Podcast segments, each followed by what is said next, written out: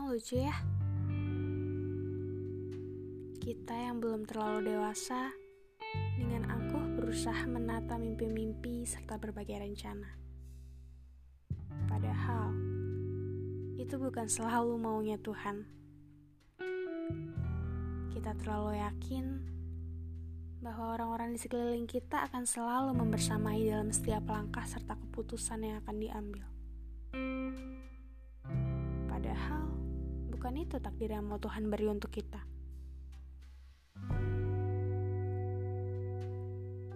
Kesombongan-kesombongan itu kemudian melahirkan kekecewaan.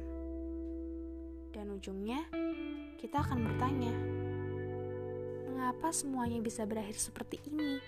Di mana letak kesalahan menggagalkan rencana kami? Tanpa sadar, kita kembali mempertanyakan waktu Tuhan.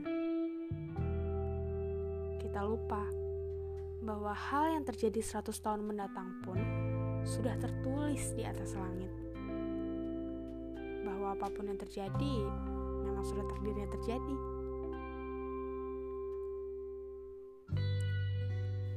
Akan ada satu titik di mana kita tidak bisa memaksa sahabat kita untuk selalu bersama kita.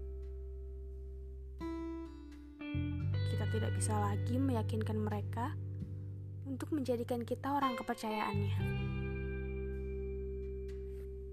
Mungkin dulu banyak mimpi-mimpi yang kita ukir bersama,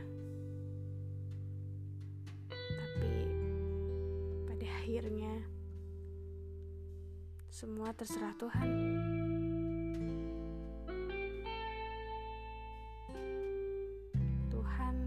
Maha membolak-balikan hati manusia dan hati manusia adalah misteri tergelap yang sukar untuk dipecahkan. Mimpi mampu menyatukan kita, tapi pada akhirnya realitalah yang menentukan ke mana kaki kita akan melangkah. Apakah kepada sebuah pertautan atau sebuah perpisahan?